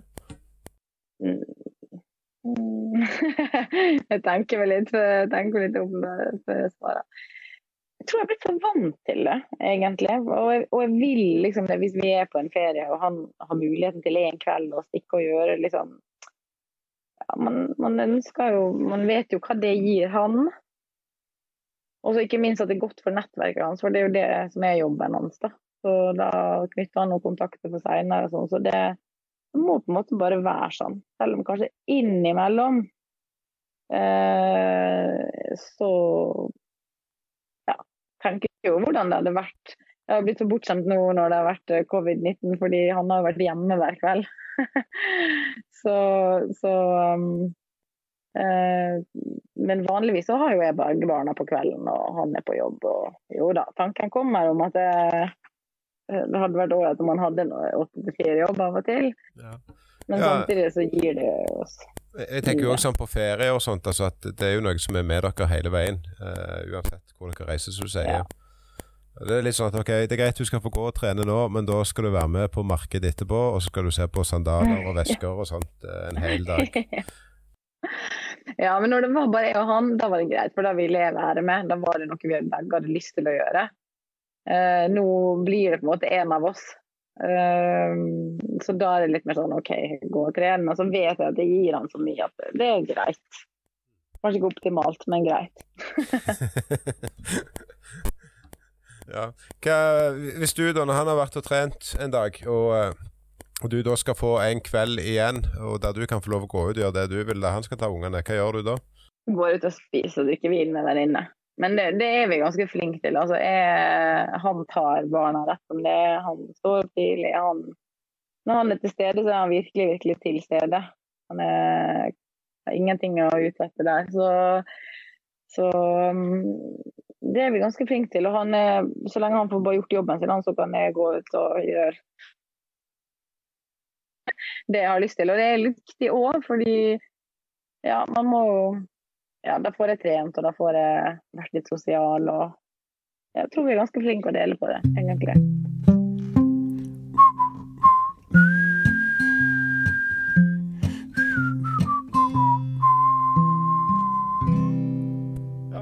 Veldig bra. Det var kjekt å, å høre. Um, er det noe mer du kunne tenkt deg også å snakke om før vi avrunder det hele? Noen ting som du trodde vi gjerne skulle ta oss og touche innom, som vi har glemt eller ikke vært innom, som du var forberedt på at du skulle fortelle om? Nei, vi har vel vært gjennom hele reisa, tror jeg. Har ikke vi det? Jo, jeg tror det. Mm. Men, men, det har jeg lurt litt på, for du var første kvinnelige svartbelten som ble i, i Norge. Og, og så svarte belte, det fikk du av, av da kjæresten din. Mm. Syns du det var rart, eller var det, var det, helt naturlig, eller det, kjente du på at det kanskje var litt rart? Ikke, akkurat i den sammenhengen så tenkte jeg ikke noe på at det var han. Det var noe som jeg hadde lyst til å oppnå i livet, men beltet har aldri vært viktig for meg. Det har aldri jo, Jo, blåbelte, det husker jeg, og det er jo gjerne sånn kanskje på noen stadier så føler man seg veldig god i en periode. Det tror jeg mange, jeg tror mange liksom går gjennom den. og da følte jeg meg ganske klar da, for lilla belte. Det, det tror jeg nok var riktig også. Men eh, bort, sett bort ifra det, så har jeg aldri Det har ikke vært noe sånn veldig viktig, fordi du sparer jo hele tida. Så du må jo på en måte prøve å bli bedre hele tida uansett. Og eh, belter, i hvert fall ikke i starten, for vi, vi eh, fikk liksom aldri det inn fra starten av at det var så veldig viktig. Vi fikk, plutselig så fikk jeg og Camilla blåbelte i Oslo veldig tidlig, da. sikkert litt for tidlig. Men jeg hadde jo det ganske lenge, så jeg hadde det i hvert fall i fire år, tror jeg. Uh, uh, så for da hadde vi, vi holdt på, vi kunne en del og, og ja, var aktive da. Da hadde ikke vi flytta til Oslo ennå engang. Um, og så ja, så fikk jeg og ja, så lilla belte følte jeg meg ganske sånn, klar for. Men nei, utover det så Vi har ikke jeg si vokst opp med, men i sporten da, vokst opp med at, eh, at det var det viktigste liksom, i det hele tatt. Jeg tror det er kanskje mer nå for, for tida. Eh, men, men eh, alltid liksom blitt glad. Og, og, Camilla var jo, i og med at hun likte så godt å konkurrere sånn, Vi begynte samtidig, vi fikk blåbelte samtidig, men så begynte hun å gå før med. Så hun gikk liksom Og det er jo en ting som du i jiu-jitsu må eh, finne det i, da. Det tror jeg er tøft for noen.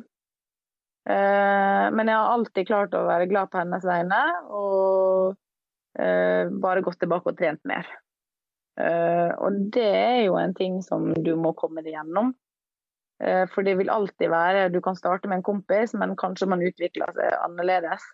Eller i ulikt tempo, da. Og der er Teta, Teta er ikke noe Jeg vet at han ikke gjør velte for tidlig. Han er flink å vurdere personen ut fra dem, så det er jo liksom uh, trebarnspappa og full jobb og liksom fortsatt uh, klarer å være på trening to-tre ganger i uka og fortsatt utvikler og kommer, så blir du vurdert ut fra det. Er du liksom i full konkurranse og har ulike mål innenfor utøverne, så blir du vurdert ut fra det. Så, så, det tror jeg nok for noen er litt uh, tøft. At, uh, at andre rundt det kanskje går forbi det. men det har gått greit. Gått helt fint. Og så fikk jeg jo brunbeltet mitt, og, og, så trente jeg jo veldig mye og bra fram til VM i 2010. Um, ehm, så det var sikkert riktig, men jeg, ikke, jeg forventa ikke det. Jeg trodde ikke det. Jeg var ikke uh, Så jeg skjønte ingenting. Det var, det, visste det skulle være belte, men, men um, Ja, og Camilla var det, husker jeg, som Tete hadde liksom bedt henne. Men selv om hun kom, og liksom, jeg tror søstera mi kom dit og sånn, men eh, det var virkelig så fjernt fra meg. Med hånda på hjertet kan jeg si at det var, det var ikke forventa. For det var en sånn Jeg hadde begynt så vidt å tenke på at ja, det hadde kanskje vært kult å fått det før jeg ble 30 år, da. Um, og det fikk det jo i, i 2010. Det var vel 28 år, da. 28 år. Um, så det hadde så vidt begynt å tenke, eller ikke, men tenke liksom ja, før man skulle begynne med barn og sånn, da. Uh, og hadde vært uh, morsomt og flott. Og, eller oppnådd det. Um, men, det har, men, det var ikke forventa, og det var ikke noe rart å få det av han heller. For han, han, er jo uh, hovedtreneren, så um, man klarer å skille I hvert fall der så klarer jeg fint å, å skille på det, da. Om, øh, drev en med, med, pisking, eller driver en med pisking med belteutdeling og sånt øh, på Frontline? Eller de beltene du har fått? Ja, det har vært det, men det var faktisk ikke det på svartbeltet. Jeg vet ikke helt hvorfor. Jeg tror det var så mange som øh, ja, det var, veldig, var, ganske stor gradering og veldig mye folk og veldig mye som skjedde. Sånn, så vi, vi, gjorde Jeg tror jeg klarte å lure meg unna det. Det skal jo egentlig være sånn der um, at du trener ti minutter med ti personer, tror jeg. Um, jeg er litt usikker på om jeg har hatt den heller, men det når du får svart belt, så, så tror, jeg du skal gjøre det. I ett sett, da. Ti minutter med ti stykker. Ja, sånn Shark Tank-greie? Uh, ja, ja. Men um, den vanligvis, ja.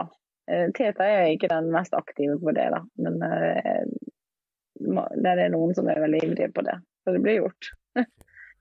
veldig kjekt, Devi. Kjekt at du hadde tid til å være med oss en nesten to timer på en så fin kveld. Jeg vet ikke hvordan det er i Oslo, men i hvert fall her i Stavanger er jo det er jo i dag der er sommer, har jeg inntrykk av. Det er jo denne uken her som har hatt fint vær. Ja, her er helt fantastisk. Men veldig koselig at dere vil dra fram en sånn gammel traver. jo, det er jo de gamle traverne vi er på jakt etter. Så det var, det var veldig, veldig kjekt. Takk Bra. for oss. Ha en fin kveld. Hei. Ha det. Ha det.